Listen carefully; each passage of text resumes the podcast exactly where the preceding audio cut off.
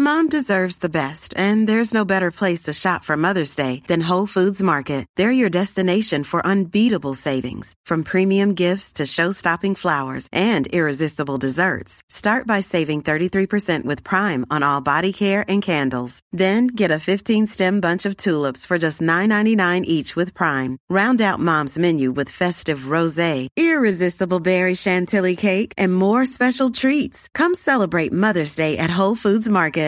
Ready to pop the question? The jewelers at BlueNile.com have got sparkle down to a science with beautiful lab grown diamonds worthy of your most brilliant moments. Their lab grown diamonds are independently graded and guaranteed identical to natural diamonds, and they're ready to ship to your door. Go to BlueNile.com and use promo code LISTEN to get $50 off your purchase of $500 or more. That's code LISTEN at BlueNile.com for $50 off. BlueNile.com code LISTEN.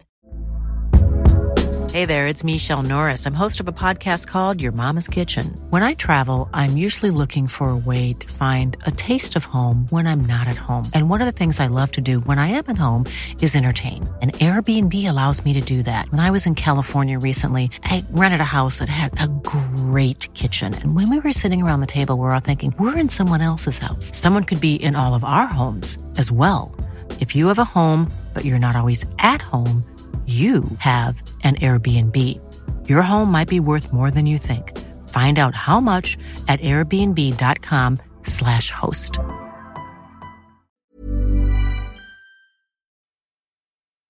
En podkast eh, er jo liksom en sånn nedlastbar radioprogram. kalles en pod, og vi kaller vår Scootspod. Og Scooch det er et ord som vi For vi har drevet og kjørt mye sammen til Tyskland. Vi har vært til Frankfurt og Stuttgart på rally og, og veteranbiltreff. da. Porsche og folkevogntreff.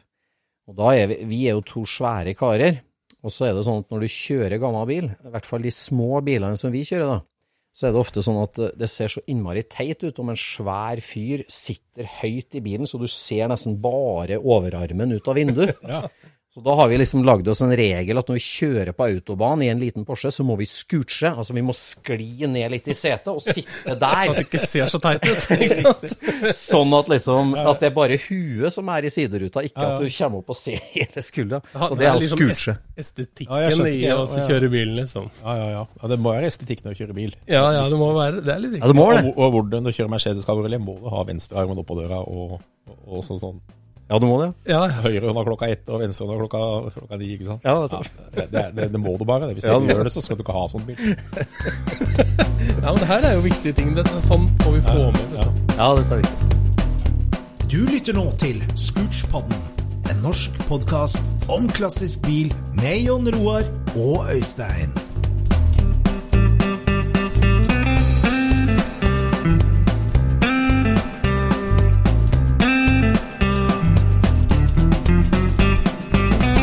Det er en glede å ønske velkommen her i Scootspodden. Eh, Vi har jo tatt mål av oss at eh, vi skal dykke inn litt i forskjellige deler av bilhobbyen i Norge.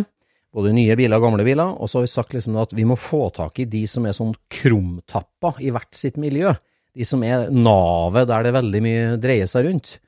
Og når vi snakker Mercedes i Norge, så er det helt umulig å ikke snakke om gjesten vår i dag. Velkommen hit, Bjarne Koren. Takk for det. Veldig hyggelig.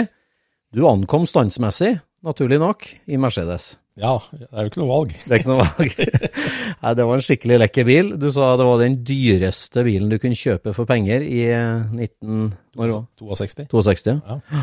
Fortell litt om bilen du kom med i dag. Ja, det er en 300 S Cabriolet, 1962-modell. Jeg kjøpte jo bilen da jeg var 19 år gammel.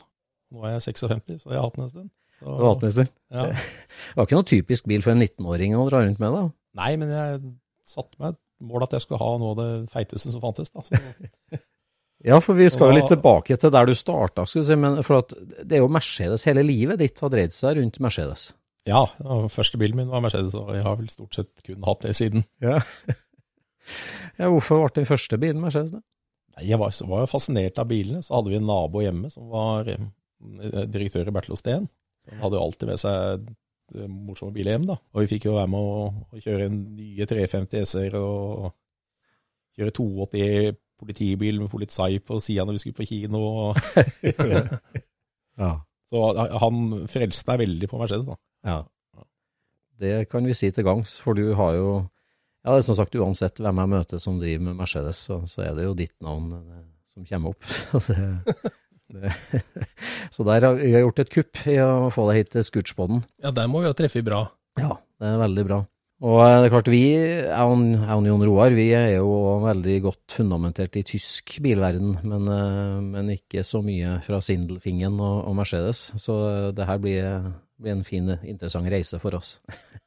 Jeg skjønner, du var jo da tidlig skada fra, fra barnsben av, med Ja. en påvirkningsfull nabo.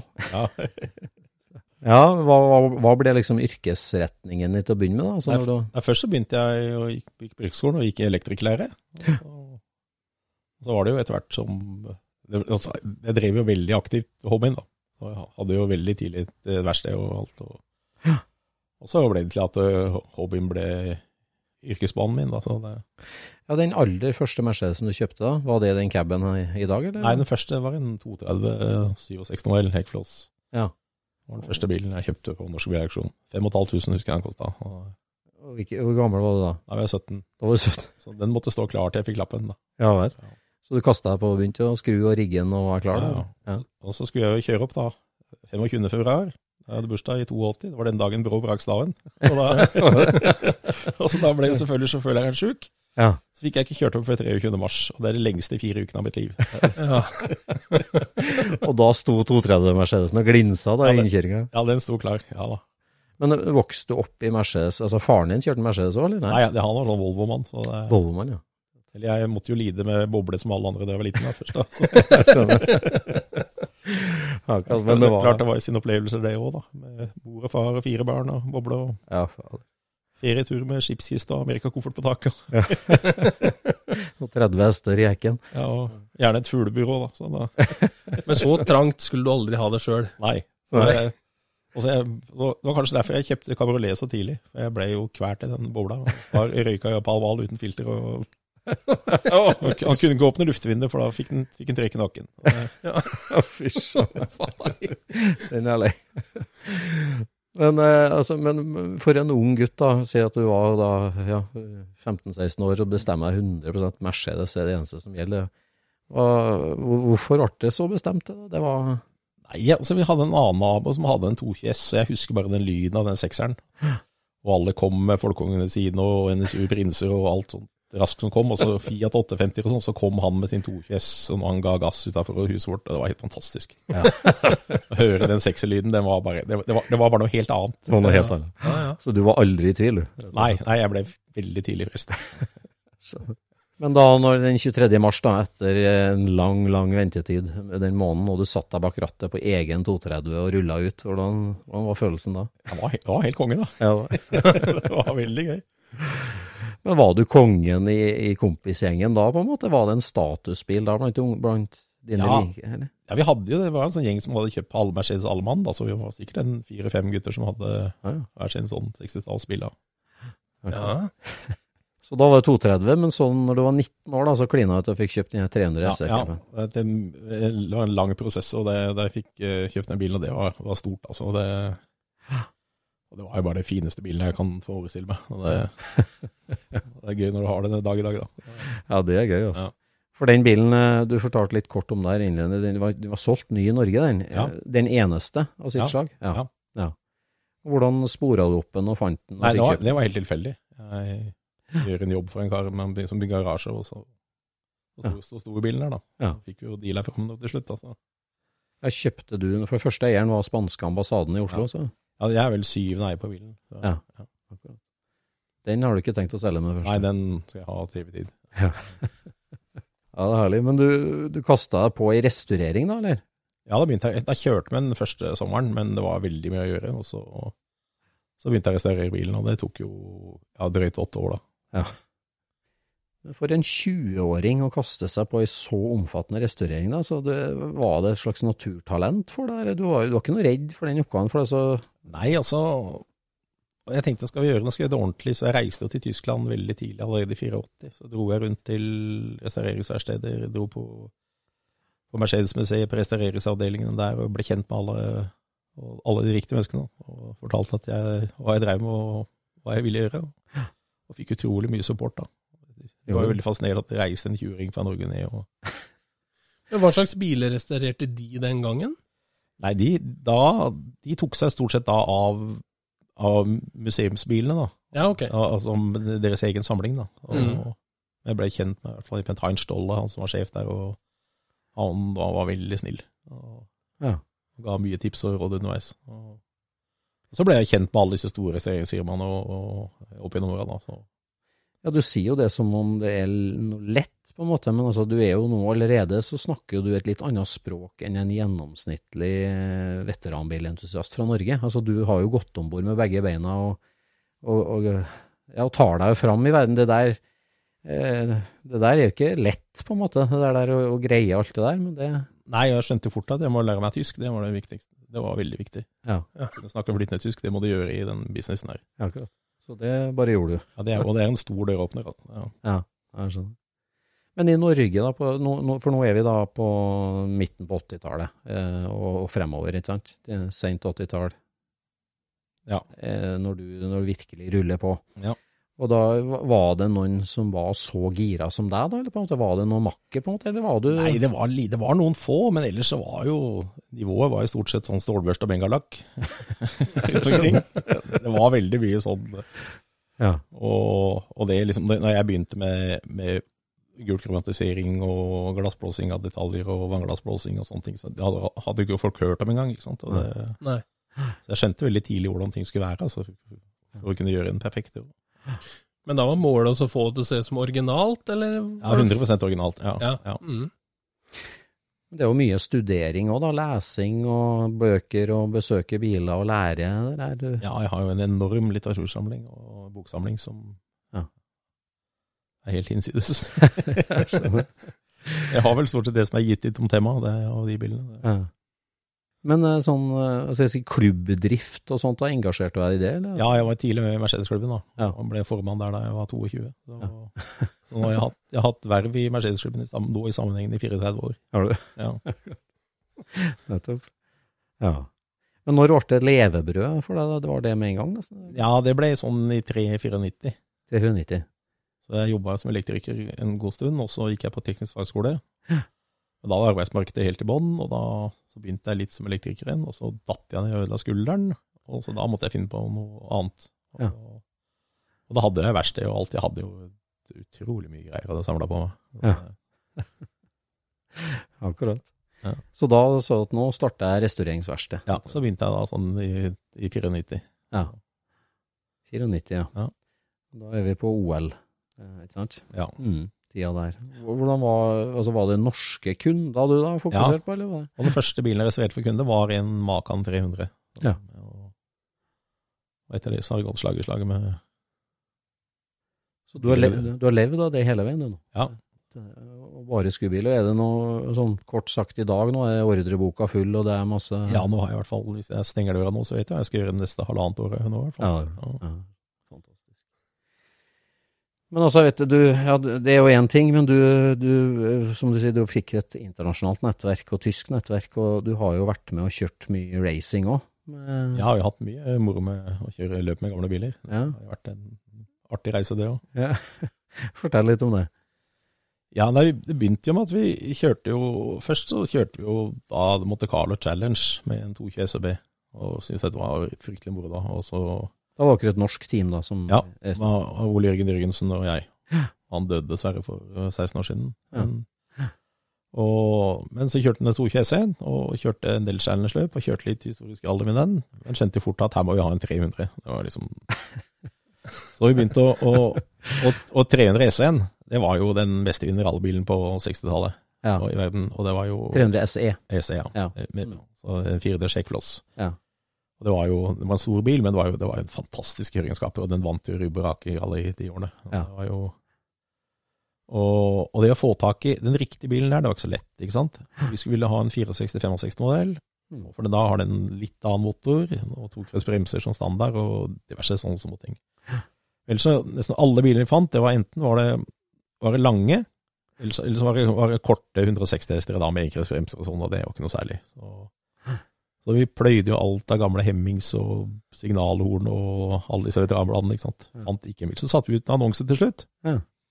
I Norge. Ja. Ja. Men så kom jeg på at jeg hadde hatt en fyr som var innom meg med en, sånn bil, en brun 300 SE.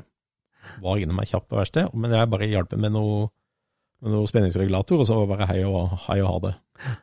Jeg ante ikke hva fyren het noen ting, og bilen hadde ikke skilter, var ikke registrert. Men så satte vi en annonse i da, ja, signalordene eller Nostalgia eller et eller annet også, at vi ønsker, ønsker å kjøpe sånn bil. Og da svarte jo han fyren på den annonsen, da. Gjorde det. Men så var det, var det jo student og hadde studielån og brukt 37 000 av studielånet på det. Da sier man da får du 37 000, og så var han sjeleglad, så da kjøpte vi bil. Ja. Og den var kort og med Ja, var- tokrets. og- Ja, he, helt den perfekte bilen. Og, og da, da var vi jo på høsten i 98, og da skulle vi jo kjøre Monte Carlo Challenge 99, så da var bare tiden av veien Ja.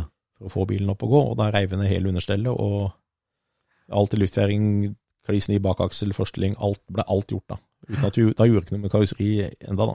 Nei. Og så kjørte vi med noe da, og da ble vi nummer seks da, over nesten 300 biler da, så det var litt artig. Da. Yes. Ja. Delte dere på den og bytta på å kjøre, eller var det Nei, jeg var bare kartleser. Ole Jørgen kjørte. Ja. Så, Og senere så restaurerte vi jo bilen, og da ble den jo i de gamle fabrikksorgene. Ja. Med lys og blå med hvitt tak, og trukket opp innvendig i det gamle rallymønsteret. med moderne rallystoler i gammelt mønster. Og, og den bilen hadde jeg utrolig mye moro med. Den har vi til og med kjørt Rally Korsika med, og det, det var veldig gøy. Og så kjørte vi, kjørte vi mye i løpet av Europa. Og, men så fikk vi for at vi, vi en gang i verden så skal vi kjøre Carrera på Americana. Det er jo til mål. Du nøyer Ja. deg ikke med noe hobbykjøring. Det, det er Nei, all in. all in med en gang. Ja, og da Ja. Nei, da, da ble jeg jo kjent med, med Hans Kleisel og Håkon Engineering. Han er jo en legende med 300 De er jo de er verdens største restaureringsverksted på 300 Og, og de hadde jo de kjørt med disse bilene der borte tidligere. Da en For han var du allerede godt kjent med, da? Ja, ble, ble jeg kjent med. Og, Ja. Så da greide vi å lage en deal med han, at vi leide oss inn i teamet hans da. Og så skulle vi, så skulle vi kjøre så, På sommeren i 99 så var vi også Slebben på banen der, og så skulle vi testkjøre. Ja. Og Og da var jeg gutta med, med Porsche GT3-er og alt, alt med himmel og jord, kjørte med der. Og så var en av disse gutta, han kjørte da med en sånn GT3, så kjørte den runden på 1.57. Ja. Så kjørte vi den der med 300 SL-en. Første gang vi prøvde den på banen, og da kjørte vi på 1,59. Da var, da var bare shake hands. Bilen er deres. Nei. Ja, ferdig med det. Og da, det hører var- vi, da var- hører vi til historien at på den runden da, så greide Ole Jørgen å få en veps inni visiret i hjelmen. Han tok på de sekundene rakk han også ta av seg hjelmen. Nei. Ja, Før vi kom i mål da, for å få vepsen ut. og kjørte i siste del av runden uten hjelm, altså. Ja, og da var det bare og allikevel bare litt over to sekunder etter den Porscha da. Ja. Så det var en, en ferdig løpsrigga 300 SL Roadster, var det? eller? Ja. Som HK hadde bygd, Ja, og det var, som, som dere fikk Ja, leide, på en måte. ja, så vi leide oss inn, og det var gjort med en del ting. Den var jo stroka og hadde 249 test på bakhjula. Så, og, så har vi satt i en sånn femtrinns BMW M-kasse, som var med 1 til 1 på femte giret. For å få litt, for den originalkassa har litt stort sprang mellom annet og tredje. Ja. Og, ellers så var jo bilen så, så, så godt som original, da. Det var bygd med moderne skivremser foran, da. Ja. Og, men utenom det så var den jo stort sett original. Og, så da bare seg til Mexico. Og, Men altså, gru, det, er jo, det er jo grusunderlag. Var det noe mye testing her i Europa på grus, da? eller? nei, Mexico det var bare asfalt. Det var asfalt, det? Ja, Er det? ja. ok. Så det var jo en fantastisk eh, det, Ja, det, det beste å gjøre med klærne på. Det var Men, men det er ikke stengte veier, ikke sant? Jo, jo, jo. Det er, Det er det veier. ja, det er, full- ja, det er fullstendig stengt. Ja, ja, det er Ja. Så, men det var jo det er noen hastigheter som er helt ville. ikke sant? Vi hadde jo Den raskeste prøven vi kjørte, hadde vi 177 i snitt. Og det, Hadde- det er fort med en 58-modell. Altså. Ja, det, men det, var av, det er avstengt, men, men Ja, ja. i utgangspunktet en offentlig vei, da. Det er sånn, eh, Ja, ja, ja, men det er jo, det er, det er jo et vanlig rally. Så det er jo ja, akkurat. Men hvor bra er veiene? Sånn, ja, sånn, sånn norsk sånn riksveistandard. ja. Ja. Ja. For, forbløffende fine underlag og sånn. Altså. Men det var jo Viktige doseringer i svingene og sånt nå, eller? eh? Ja, ja det, er, det er ikke sånn det er, det er sånn som i Norge. Ja. Ja. Og svinger som lyper litt mye, og Ja. Ja. Men det var, måtte ha vært en vanvittig sirkus, da, når, for da ble bilene sendt over fra Tyskland, ja, og dere fløy ned. og Ja. det, var, det var et support-team med dere, da. Ja, da, vi hadde mange med bagasjetransport og masse mekanikere, og det var voldsomme, voldsomme greier. Men HK stilte flere biler? Ja. Ja, vi kjørte to 300-SL-er. Vi kjørte en Robster, og så var det en sjekker som kjørte en, en Bokkvinge. Så hadde vi en, var en, to pagoder. Og en Austin Healy i teamet vårt. Og da var du kartleser der òg? Ja. Ikke nervøs å være kartleser da, i 177 tid? Nei, det går fint. Det går fint. Er bare å stole på sjåføren, det så går det bra. Ole Jørgen var en habil sjåfør, da. Ja, ve veldig bra. Ja. Ja. Ja, tøft. Ble det flere løp med 300 SL, da? Ja, vi kjørte, det, det, og vi kjørte litt, litt på nybygging og sånne ting, og så vi, så, byg, så bygde vi en racerbil sjøl her i Norge. Av en, vi kjøpte en, Ole Jørgen kjøpte en 63 Roaster. Ja. Og det er med aluminiumsmotor, og den er jo 60 kiloliter i fronten, så den er jo mye bedre handling på. Oi. Ja. Og så lagde vi jo ordentlig racerbil av den, og den kjørte vi mye løp med. Gjorde du det? Ja. Det var veldig gøy. Med eget team, da, på en måte?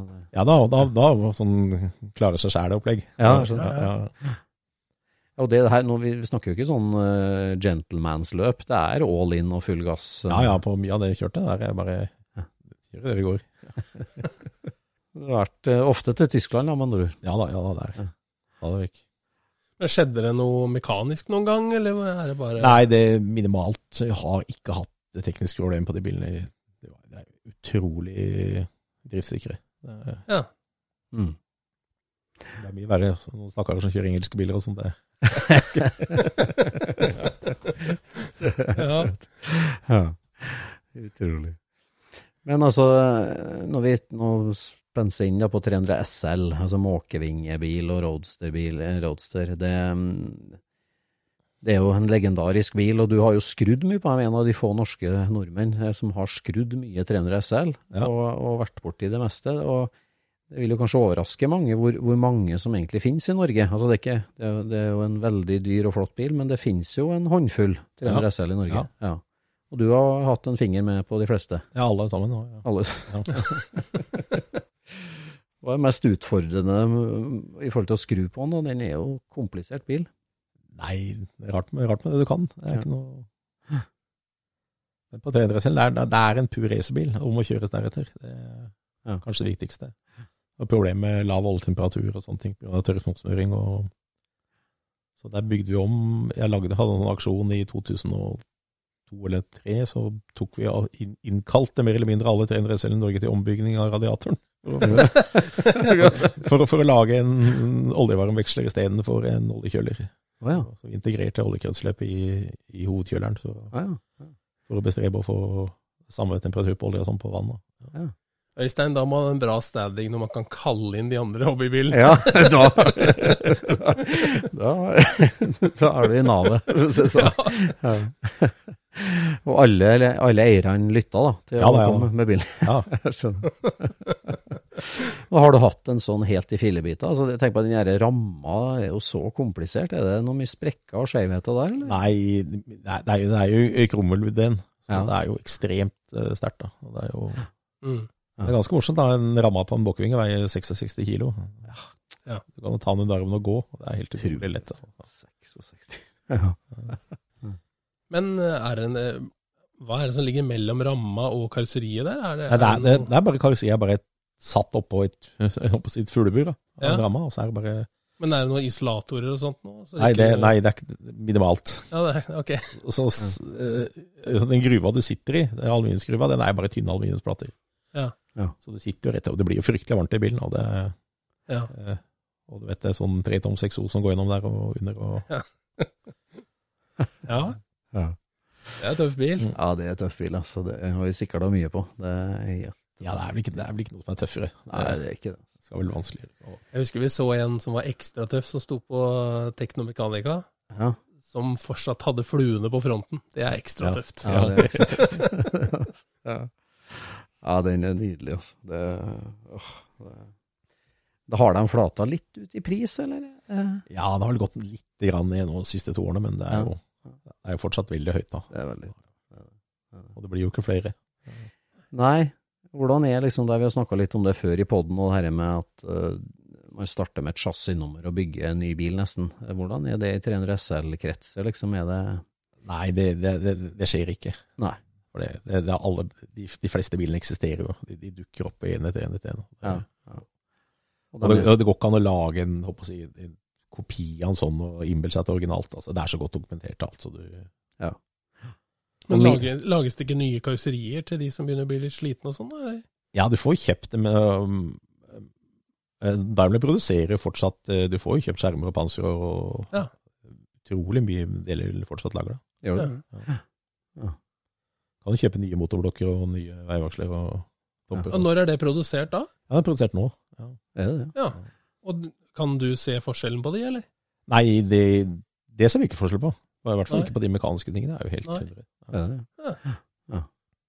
Så de er så godt eh, hva skal jeg si, overvåka og undersøkt, alle de bilene i miljøet, at, at det, det er vanskelig å bare dukke opp med en Ja, som eh, ja nei, det, det, det, det kan ikke bare plutselig komme en bil. Nei.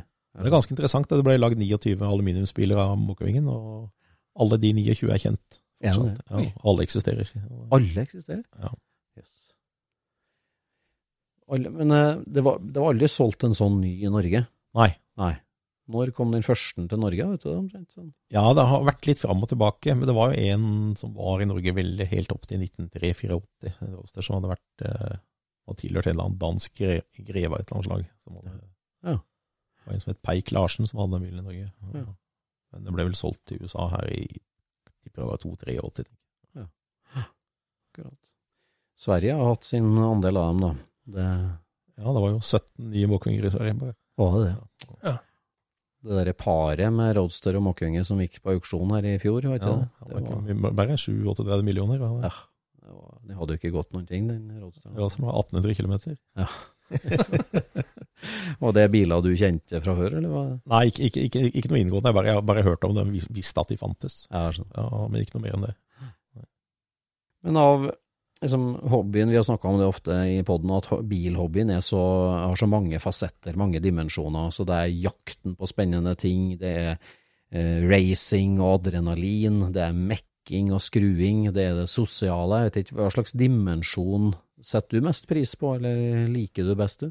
Nei, jeg liker alt ved det, egentlig. Ja, det, Jeg blir aldri lei av gamle biler. nei, jeg. Og det er, jeg syns det er så gøy å kunne leve av det. og Ja. Jeg elsker jobben min. Bare når jeg drar hjem, så gleder jeg meg til å komme tilbake igjen. Ja. Ja.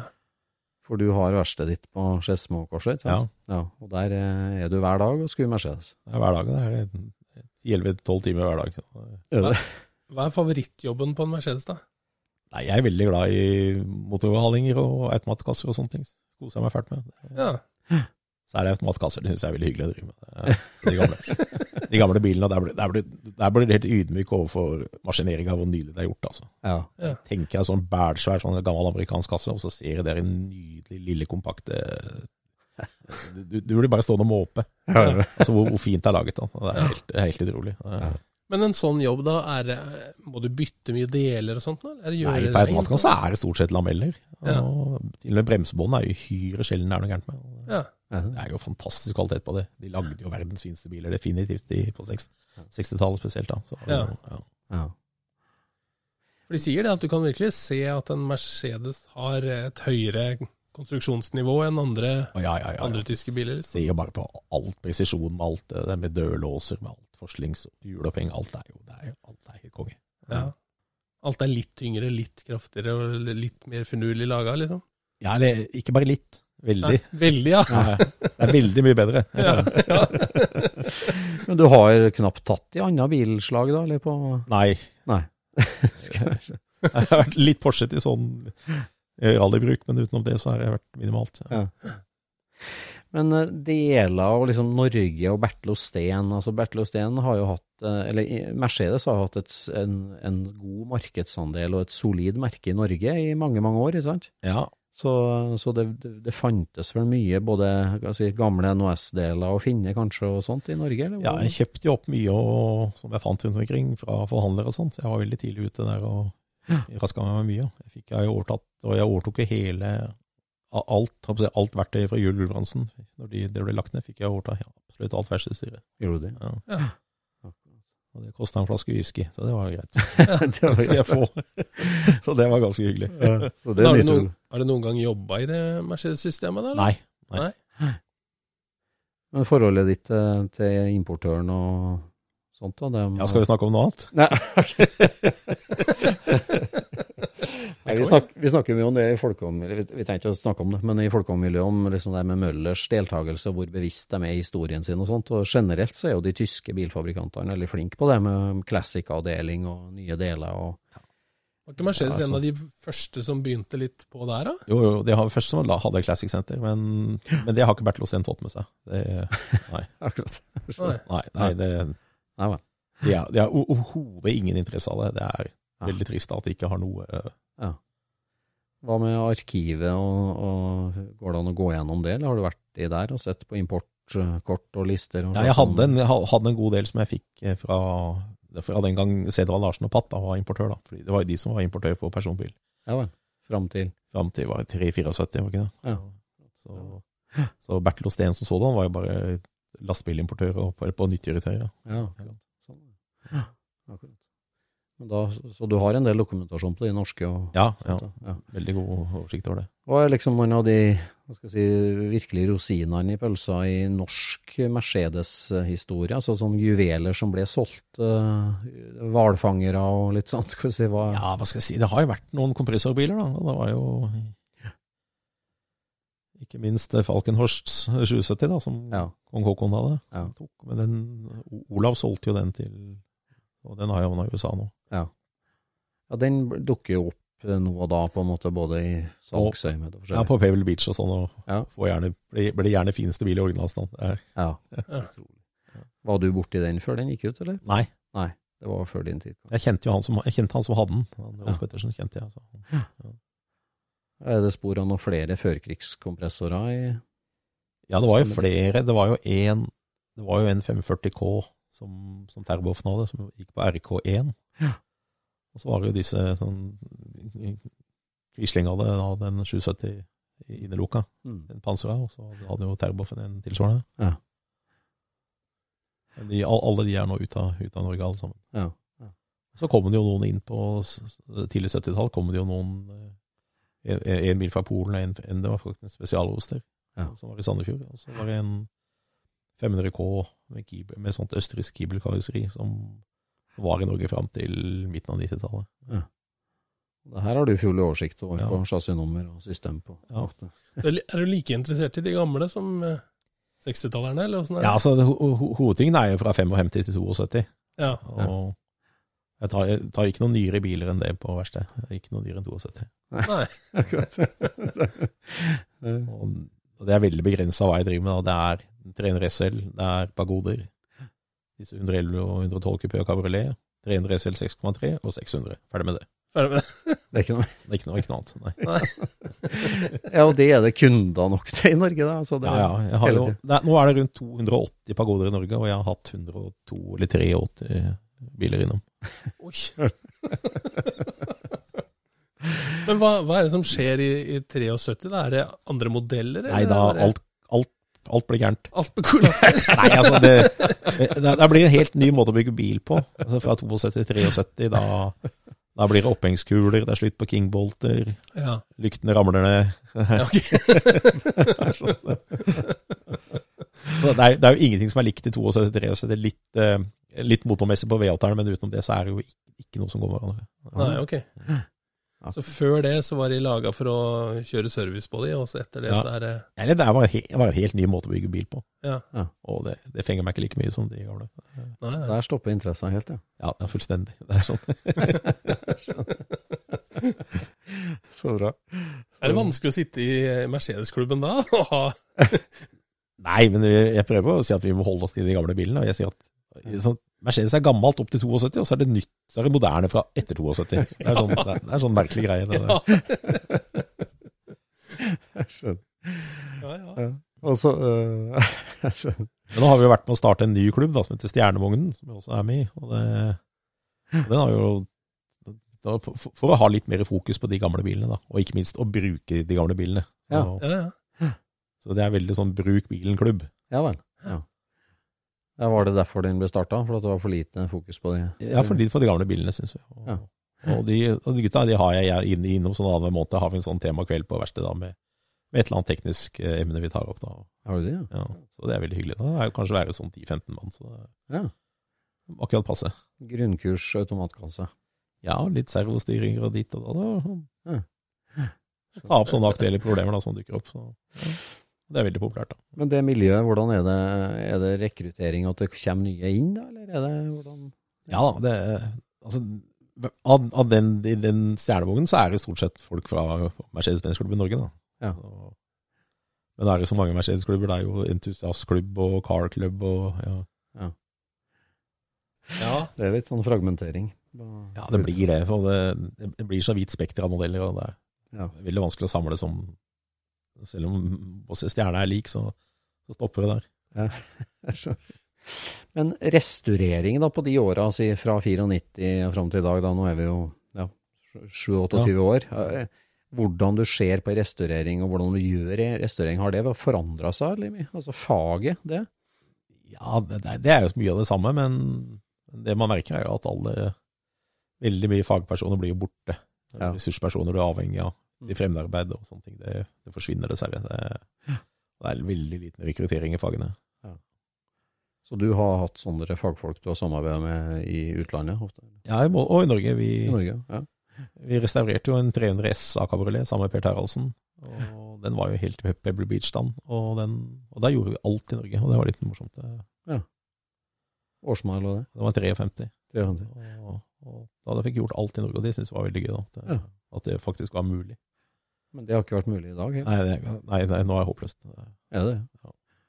Hva er det du, som ikke har gått av nå, da? Det Nei, det, handler om med trefinering, trearbeider, salmakerarbeider. Ja. Ja, ja, det er trist. man skal ha kompetente folk, særlig på salmakerjobb, da. Og bruke de riktige materialene, og det er Norge fryktelig vanskelig. Ja. Ja. Ja, det har blitt dyrt i Tyskland òg. Jeg ser Ja. siste åra nå med en ordentlig fin kab- kabriolet-topp og sånn. Fy søren, det koster. Altså. Ja, det er mye jobb. Det er fryktelig mye, Det er mye jobb å få det perfekt. Ja, det. Og ikke minst bruke, ja, du skal bruke hestehår, og det skal ikke være noe skumgummi. Og, men Ja. her i Norge så blir det bare putta inn alskens sånn Ja. moderne greier. Og Mm. seter skal jo polstres med, med sånn vattert filt og ullstoff, og ikke noe skumgummi. Og jeg bruker jeg stapper en i skumgummi. Det blir som å sitte på en fjær. ikke sant? Det er jo helt håpløst. Det, det er så mye. Ja, Har du noen i Tyskland du bruker på sånt? Eller? Ja, ja, heldigvis. Så, Ja. ja. Og, Hvordan, er hvordan er nivået på det de gjør på Mercedes Classic i forhold til det si det HK gjør, eller eh, Kindle, eller noen av dem? Ja, så, nå har du jo sagt, der, der sa du jo tre som er i toppsjiktet. En. Mercedes Classic de gjør jo veld, veldig lite kundejobber. da. Det er minimalt. Det er litt hvis det er vel noen spesielle sånne førkrigsbiler og sånn, ellers så er det jo Ah, ja. De beskjeftiger seg nå stort sett bare med å vedlikeholde sin, sin egen samling. da. Ja, de er helt formidabel. Og vedlikeholde racerbilen, ikke minst. da. Ja. ja. Og ja, så de tar ikke, for så Porsche og Folkevogn gjør jo det, at Ja. de kan levere bilen og ta imot, men Ja. de gjør ikke det. Nei, det, det, det er noe, noe gjør på noen helt spesielle biler, ja, Ja. og, men ellers så så, det- så så settes det altså ut til de andre, til andre Ja. firmaer. da. Akkurat. Ja, for det er jo en helt vanvittig presisjon og standard de tyske firmaene der har lagt seg på, når du ser bilder fra det jo som en operasjonssal på et sykehus. Ja, det, det er jo helt vilt. Altså. Altså. ser hos Kindle som har 110 mann ansatt. Det er jo en fabrikk. Det er ganske imponerende å se hvor mye Ja. gjennomløpshastigheten og hvor mye biler de restaurerer. Ja. Helt eh, enormt. Er du ofte altså, hva skal jeg si, utveksler du, så, så, siden du òg lever av å restaurere bil og skrubil, utveksler du noen erfaringer med deg med det nå? Liksom? Ja, det gjør det. Det er, man merker at verden er veldig liten. Når du Ja. kommer på et visst nivå, så er verden veldig snever. Altså. Ja. ja. Så de er åpne og Ja, veldig. hyggelig? Ja. Ja, veldig. Og Stadig vekk å besøke dem. Og, Ja. og du, du må det, du, og du må kjenne folk, og du får få tak i de spesielle tingene. og Delsituasjonen blir jo ikke akkurat lettere. Nei. Men eh, er det ettermarkedsproduksjon av deler til Mercedes, eller er det Ja, de de lager, de lager veldig mye. Eller, Mercedes lager veldig mye sjøl, og, Ja. og mye, mye av det repro-greiene er jo repro. er jo repro. Det er ikke, Ja. det er ikke alltid det holder, holder mål, da. Nei. Men sånn I folkevogn så er det faktisk litt begge deler, det der. For der er, det, der er det liksom folk som lager bedre deler enn det Volkswagen setter Classic på, da. Ja, ja, ja. Ja, det varierer der. Men sånn som til, men hvis du ser på pagodene, så er det jo det er, det er så mange biler, så det er big business for, for Mercedes-Benz å lage delene. Ja. Så der, der får du det, det aller meste. Og sammen med 300 SL òg, det er ikke noe problem å holde uten. Nei. Det er verre når du driver med 600 og sånne ting. Det, Nå har, har Mercedes vært etter, for altså, Folkevogn har jo gått og trua med rettssaker mot en masse som lager reprodeler for at de vil ha monopol på det sjøl, og mener at det er deres tegninger og deres rettigheter, liksom. Har det vært noe sånn diskusjon i Mercedes-miljøet? nei, svært lite, egentlig. Ja. Og, fordi du, du får så mye originaldeler, da, karosserideler spesielt, da, så, og da får du mye originaldeler. og det er, det, er, det er liksom ikke noe tema å lage noe repro. Nei. Og, og, og de som lager reprodeler, de, de gjør det gjerne i samarbeid med, med Mercedes Classic. Og, Det er sånn. og, og de kjøper jo en del faktisk fra disse som driver etter etterproduksjon. Ja. Men, men alt, alt som lages i Tyskland, det er jo stort sett veldig bra. nå. Ja. Ja. Ja. Det er, det er, men det begynner å bli mye sånn der eh, jalla fra Kina. Altså det, Ja, det er grusomt. totalt, det, er, det er jo deler som tilbys i markedet som er fullstendig ubrukelige. Ja. Men det er bare å styre unna. Bare Ja, så, så enkelt er det. Ja. Så lenge, det- alternativ fins. Har du kjelleren på Skedsmokorset full av gamle NOS-deler, du, eller? Ja, jeg har noen sånne hellige skap. Ja, det var det. Men jeg, jeg, jeg, jeg får sånn eierskap til deler, så jeg kan ikke selge dem. Det er sånn der, det blir sånn hellige, jeg legger dem i sånne glassmonter og sånn. vet du. Det er sånn, det er sånn. Ja, det merker jeg sjøl. Altså, du var helt gal etter å få samle NOS-deler og få tak i NOS-deler. Mm. Når du virkelig kommer til stykket og skal sette på bilen, så er terskelen så høy at du, du, du vil liksom ikke ta den ut av den eska og bruke det. Det er noe med det. Så Nei, Bjarne, altså denne enorme fascinasjonen for Mercedes og, og liksom storebror fra Tyskland, eh, det, det er jo helt utrolig det som foregikk hos Mercedes både før krigen, når det var ubegrensa med tilgang på penger og sånt, og etter krigen på, tidlig på 50-tallet, racingen og det vanvittig kjøret de la opp der, og du har vært inne på det sjøl, med presisjon og altså, hvordan de gikk ned i detaljer. Det, altså, ta oss litt tilbake, du som kan historien din, til, til det her tidlig etterkrigstida, og når ja, gladiatorenes kamp på racerbanen hadde Mercedes i førersetet. Ja, de begynte jo allerede i to Eller rett etter krigen så begynte de å kjøre litt noe løp i USA. Kjørte de med en del av disse fuckeringsbilene, så de og von Brauschitz og sånn kjørte litt grann rundt. Men så så begynte utviklingen av 300 SL. Og da i 52, eller den begynte jo allerede i 50, og i 52 så var han jo klar da til å kjøre karriere på Americana. Ja, for da, da ser de det at de må ha en fullblods racerbil for å hevde seg. Det er Ja. klart, så Da har vi jo sølvpilene fra før krigen friskt i minne, liksom, så de vet jo at de kan. på en måte, Ja. sånn, men, eh, for, for, og da, da starter altså prosjektet i 1950. Og da var de i gang med å, å trene SL. Da de skulle lage en supersportsbil. Rett og slett. Da lagde de de, ti første da, som var rene, rene racingvogner. Og så ble det jo, og så kom, Da kom det jo ikke før i, i serieproduksjon før i 54, da. Men allerede i 52 så de, de bemerka seg veldig med bilene. De vant jo masse løp, og det var Le Mans, og det var, det var jo ikke minst karriere på Americana, da, hvor de kjørte jo hastigheter som var andre kunne drømme om. Det, Men de ti første der, det, det er altså den Ulenaut-kupeen som vi kjenner til. nei, Ulenaut-kupeen kom jo seinere, det var jo SLR-en. Det var SLR, ja. Ja. Senere, ja akkurat. Så, det var jo, Så de ti første, det var i 52. ja, det, det var en, en, en, si, en trelitermotor med, med forgassermotor. Det var noen forsøksbiler med innsprøytning og kompressorer og litt forskjellig. Men, Ja. Ja. Aluminiumskarosseri. Ja. ja. Eh, og, hva skjedde da mellom 52 og 54? Nei, da, da var det utvikling for å utvikle altså det de kalte det sånn seriesportsbilen. da. Mm. Ja. Og så lagde de jo en avtale med han Max Hoffmann, som var Mercedes-importør i USA, som Mm. skulle lage en da Og han skulle ha 11, han, 1100 biler gikk jo til USA av 1400. Ja. Og han klarte jo å selge Av det første året, eller? Ja, eller, eller han klarte De de skulle produsere bestemme seg for å produsere 1400 biler. Og han- han sa han forplikta seg mer eller mindre til å selge 1100, og det klarte han. Ja. Gjorde det? Ja. Gjorde det. Av 300 SL. Ja. Altså, ja. Og sånn, og vi kan jo ikke det godt nok, men først altså så kom Roadsteren. Roadsteren kom ikke før noen år etterpå. ja, den kom ikke før i 57. Ja. Ja. Mm, Og det var en ren videreutvikling, da. Og den, Ja. Det, og Walkingen var jo en trang, ble veldig varmt i bilen, og det var jo en pur racerbil. Og, og det er jo ganske fantastisk å se startfelt fra bane, baneløp i USA og i 55-56, hvor det er 10 og 15 måkvinger, ikke sant. Hvor mange som ble vraka. Ja. Det var en ganske, på måkvingen hadde jo en todelt pakkeaksel, Svergelink-akse, ja. og det var jo Det krevde sin mann. ja, å kjøre. Har som Stirling Boss, da. Når, når det går, hvis, hvis det går for fort inn i svingen, da må du bare kjøre enda fortere. og det var mange biler som ble vraka, og, du fikk, og når de ga seg i svingen, det, det var livsfarlig i seg, vet du. Ja. Men så kommer Råstern med, med enleda aksel med lavt svingpunkt, og da var jo Ja. Og det satte jo standarden for hele 60-tallet. Og, Ja. og det, det ble en vanvittig mye bedre bil å kjøre. Kom den aksjeren på måkevingen òg, eller? Nei, det kom bare på Råsteren. Den Ja. kom bare på Ja. Rosenborg. Mm. Og, da, da, da, da, ble- det dramatisk bedre å kjøre. Ja. Men hva si, det der, altså den spekken de la ut i 1950 da, for å bygge, altså det, det var jo da for å bygge racerbiler som Ja. eh, de skulle kjøre, og så det fra 52 til å, å lage en serieprodusert versjon. Ja. Var- det noen begrensninger der, eller altså på, på kostnad, eller? eh? Nei, det tror jeg var Det var dårlig budsjetter, tror jeg. Jeg tror de fikk de pengene de skulle ha. Ja.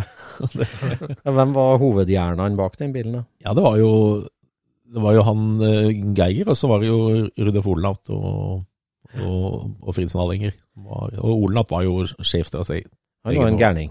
Han var, han var en fantastisk sjåfør òg, ikke, ikke minst. Og han, han skulle jo egentlig kjøre, kjøre Formel 1 sjøl, men han, han, han fikk ikke lov av Nallinger, for han var altfor verdifull for, for selskapet at det skulle skje noe med ham.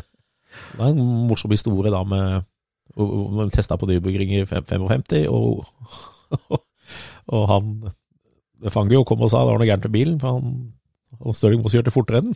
Ja. Og det gikk ikke bra nok. Nei. Og da tok Olenat bilen til Fangio og sa- satte bestetid på runden, og sa det er ikke noe gærent med bilen, det er det det er gærent med.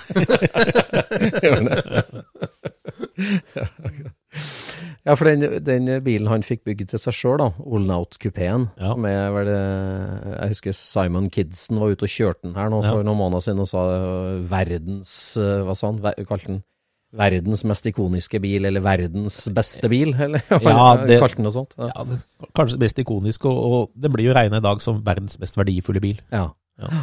Og de antyder liksom at verdien er rundt 500 millioner, sier de. Ja, for det, det der var jo også da privatbilen til sjefsingeniøren for Ja, de, de, de lagde to stykker. Én En som det var, var meningen de skulle kjøre hvis de hadde fortsatt i 56-sesongen, så ville de lage en, en sportsvogn med lukka karosseri. Og, og så, men det ble lagd to stykker, og den andre den hadde jo Olav som tjenestebil. Ja. Kjør, med skilter og kjørte på gata i Stuttgart. Og ha en pri privatbil 1955 med toppfart på 300 km i timen, det, da, da, da er du sjef. Ja, da er du sjef. Ferdig med det. Og rakarør, da. Ja, ja. Rakarør, ja. Ja, men så fikk de pålegg av, av miljømyndighetene i, i Stuttgart at den måtte ha eksosanlegg. da. Ja, det. Og Det ble bygd et voldsomt greie på sida av bilen. da. Utrolig at den har overlevd, eller ja, ja, det er ikke så utrolig kanskje, men det er fantastisk. Ja. For den, den er i Mercedes-samlinga. Altså. Ja, ja. Utrolig. Og um, 300 SL-en, da, så det var 1400 først, ja, sa du, men så ble det en suksess og lagde flere år, eller hvordan ble det? ja, det var, det ble 1400 walkwinger totalt, og, Ja. og da ble det slutt på de. Og så kom Robsteren. Så bare 300 til resten av verden, altså? Ja. Var det? Mm. Og hvor mange av dem gikk til Sverige, av de 300? vet du? Nei, det var snakk om at det var 17 det var, en periode så var det 17 walkvinger i Sverige. Ja. Ja. Inn- Jeg husker tilbake på Classic Cars over Båstad i 4 eller 85. Da tror jeg det var 11 eller 12 walkvinger der. Ja, det- Ja. Side om side i Sverige. ja, men nå er det meste solgt ut. Ja, det ja, mange måkevinger er i Norge i dag, da. Ja, nå er det vel to. To, ja. Ja. Ja. ja, det er fantastisk. Og den ene er bare kjøpt, kjøpt, som, kjøpt som investeringsobjekt, og den andre den har jo ordentlig racingstuk. òg. Ja, den er så deilig. den. ja, den er, Den står jo ikke langt unna der vi sitter nå, og den er, den er helt rett, altså. den er, er som den skal med sidepipes og ikke noe plagsomme støtfanger og sånt. Ja, ja, ja herlig. Nei, det der er en utrolig drømmebil, altså. Må jeg si. Ja. Og jeg har fått oppleve å kjøre mye sånn bil, og det er jo helt. Er det veldig forskjell på Roadsteren og Måkevingen å kjøre? Ja, roadsteren er bedre å kjøre og av bakakselen. Og, og særlig på slutten av de 63, seint sent 62-63, da fikk jeg aluminiumsmotor. Da ble den jo 60 kilo lettere i fronten. Ja. Det var jo mye, mye lettere å handle. For den bakaksjeren som den Roadsteren fikk, det er den som har det leddet helt inne ved klokka, er det det? Ja. Altså, jeg er inne sånn det lavt, lavt, svinger på et lavt tyngdepunkt, altså den helt inne ved klokka. Ja. Ja. Mm. Men den før, det var Ja, det var toledda. Og Sånn, har på de, så en på hver side. Og Ja, det- stemmer. Akkurat. Men å kjøre i 300 SL er jo fantastisk moro. Jeg, kan, jeg tror jeg sa, egentlig satt verdensrekord i å kjøre i 300 SL, fordi vi hadde Vi skulle kjøre et løp som heter Classic Marathon, det var i 2001. Og da skulle vi starte nede i Ypres i Belgia. Og det var, hadde vi da hadde vi holdt på å bygge bilen og begynte å bli ferdig. Og da, og da hadde vi første prøveturen med bilen 22. august i 2001. Og 9. oktober da, da hadde vi passert 10 000 km med den bilen. Såpass, ja. På Ja. to måneder. Ja. Ja.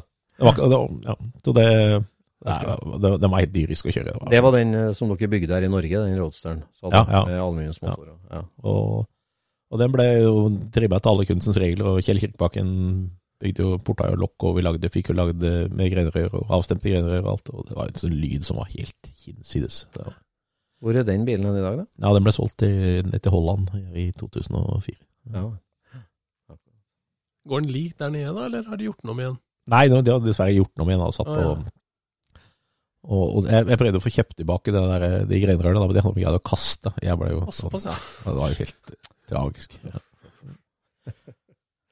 Ja, Men den kjørte dere ikke Carrera Nei, Panamericana med? Nei, der kjørte vi bare så, sånne ro- road rallies med, da. Og Ja. hadde veldig mye moro. Vi vant jo alle sånne førerprøver. Ja. Vi var liksom alltid 30 raskere enn nummer to. Det var sånn, det var sånn der, Jeg gikk så helt vanvittig. Det var rundt 240 hester inn, og, Ja. og den veide ikke mer enn rundt ja, 1150 kilo. Så vi hadde letta den med det vi kunne. Så. Men egen bilsamling for deg da, Bjørne? Altså, du har skrudd for veldig mange andre, da, og du har jo den flotte caben din. Hva, hvordan, hva slags andre biler har du sjøl? Nei, så har jeg en 64 220 SV Coupé. Mm. som er vanvittig fin. Den, er, den fikk sønnen min da han var ferdig sivilingeniør. ja, Akkurat. og så har jeg en, en pagode som jeg driver for, for dattera mi, en 280 SL. Ja. Hun skal få den når hun er ferdig. Og så, Mhm. og så har jeg en sånn 124 E320 cab og, og noen, noen andre greier stående i en port. Ja. Ikke så mye, men det jeg har, det er i orden. Ja, jeg skjønner. Ja. Ja. så det er ikke noe prosjekt du eh, har foran deg, at du sånn for Ja. egen del, eller? Nei, det, da er det den pagoden jeg skal gjøre ferdig, da. Uten, Ja. det sånn for egen del. Skjønner. Men ta én og én ting. Ja. Gjør du alt det verste der med karosseri og Nei, nå ba, bare, bare mekanisk og elektrisk og Ja. alt. har du bra folk på karosseri? Ja, det har vi jo. Det har vi jo. Det Mm. fungerer fint. Du kan ta på deg helrestaureringa, da, liksom? Ja, klart, men det er, det er jo krevende. Det er så mange ressurspersoner som blir borte, så mange spesialfirmaer som forsvinner. Og, Ja.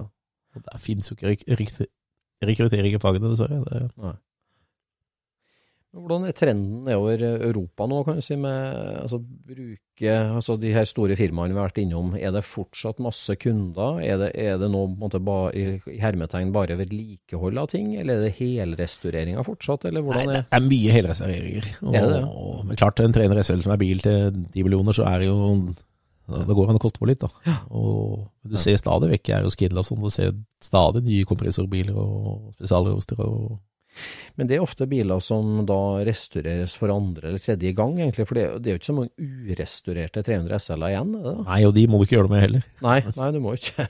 Og da må du bare ta teknikken og det elektriske, og så må du la resten være. Ja, nettopp. Så det blir eh, men, men jeg tenker det, det er mange som kanskje ble restaurert på 80-90-tallet, som var litt sånn halvveis Ja, særlig sånn 80-tallsrestaureringer var mye, mye bugg. Altså. Ja, ja. Mye amerikanske Ja. prosjekt, kanskje. Så må du huske på at en bil er kun original én gang. Ja, Og det er så fort gjort å ødelegge. Ja, det er det, altså. De er så verdifulle, de som er igjen, som er originale. Ja, Bare beholde den originale substansen. Og, og det ser vi særlig på sånn der Det er- de ødelegger alt. Sant. Det er ikke noe hyggelig igjen av bilen etterpå. Ikke sant? Nei, All, alle de detaljene som vi gleder oss over, det, det ødelegger de første dagen ikke sant, når de sitter i gang. Ja. ja, det er sant, altså. Ja. Og særlig sandblåseren, han har ødelagt mye. Ja, ja det er. Det altså. Men er, det- det, er eh, eierne av sånne biler eh, obs på dette her, eller må du lære dem opp, eller åssen er Ja, de, alle som har vært hos Koren, vet at han er ganske har, sin, har sine meninger. Ja, Det er best å gjøre som han sier. ja. Ja, har du kasta ut noen som ikke vil høre etter? Ja, det snakker vi ikke mer om. Men Nei. er et par ganger som jeg har vært ganske klar. Ja, jeg kjøpte bolter her forleden, eh, for i folkevognmiljøet og Porsche-miljøet, så er det klart det der å, å bruke 14 mm-hodet på Ja. den måten, det er jo eh, Det var jo ikke så viktig for 30 år siden, men nå er det jo kjempeviktig. Ja. Og eh, der er det jo en Mercedes eh, repro-kar nede i Ja. München som har laget, kjøpt rettighetene til Nei, grei, nei ikke München, det er på Lindburg Heide, rett syd for Hamburg.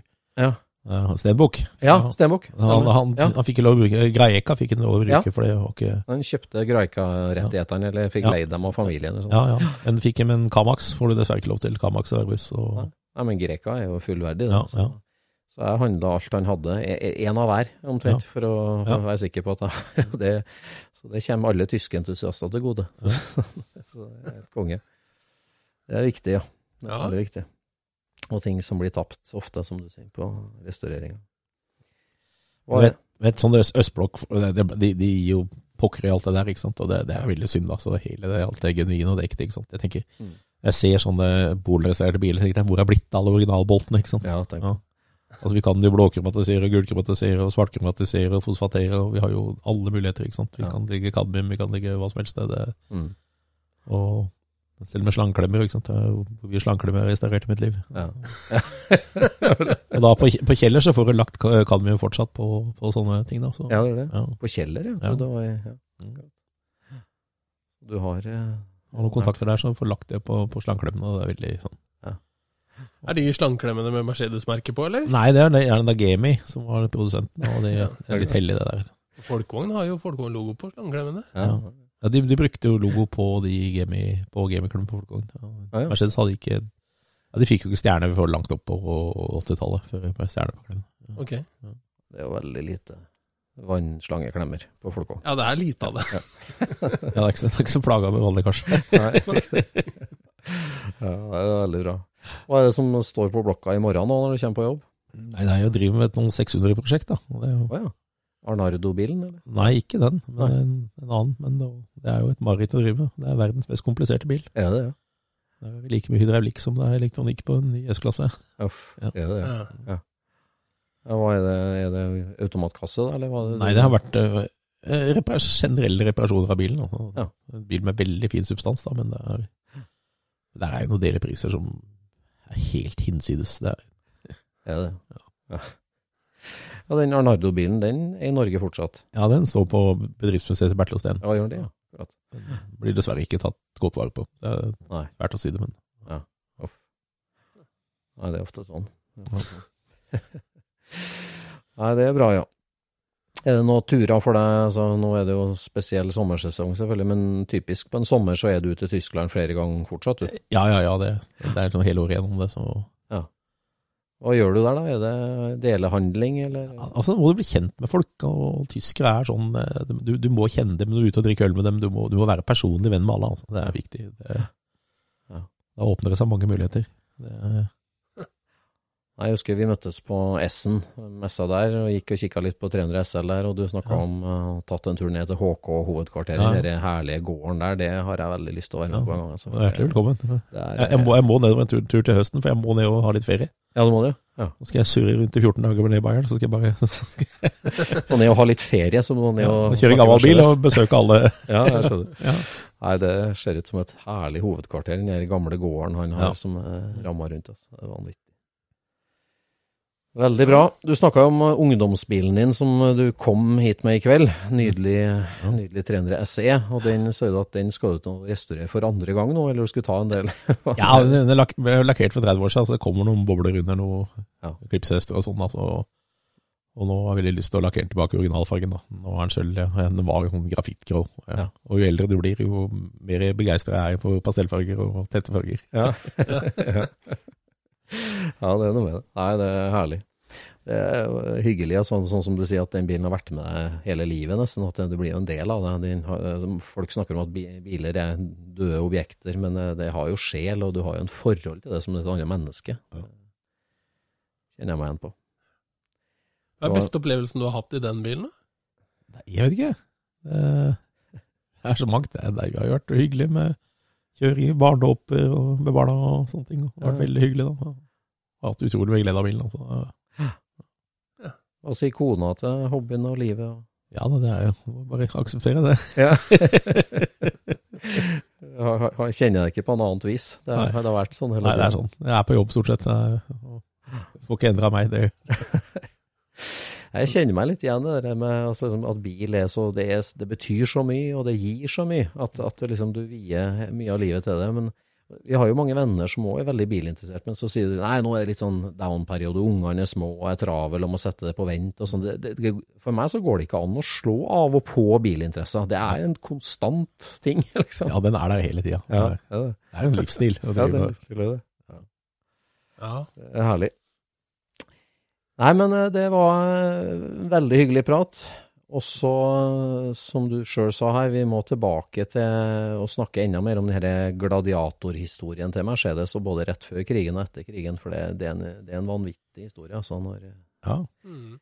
eh, og vi snakker mye om det her men når, når ingeniørene får fritt utløp med materialkvaliteter og toleranse og alt det der, hvor, hvor fantastisk det blir. Altså mer enn estetikken og utseendet som andre biler er mer opptatt av. som Mercedes og de tyske har jo denne ingeniørkunsten i høysetet. Alt det andre har bare mm, plagiert dem. Ja. Dette er litt viktig, det å kjøre Mercedes, vet du. For det er jo, du må kjøre Det er de som fant opp bilen. Ja. Alt annet er jo dårlige etterligninger. Ja. Det er veldig bra. Nei, det, det var et fin avslutning. Fin siste ord. Ja, det syns jeg. Helt konge. Så da har vi, eh, tu, sier vi tusen takk, Bjarne. Ja, bare hyggelig. Og så ønsker jeg velkommen tilbake igjen. en Takk gang for det. Fordi vi, eh, dette er et stort tema som vi skal innom igjen. Nå har vi blitt litt kjent med det, og eh, tusen takk. Takk for det. Takk for nå. Scootspodden produseres av SSC Media, med god hjelp av VV Norge og Trond Dahl for hosting, Knut Micaelsen for musikk. Abonner på Scootspod via podcaster eller Acast, og følg Scootspod på Instagram og se det vi snakker om. Der kan du også komme med kommentarer og innspill, og fortelle oss hva du vil høre om.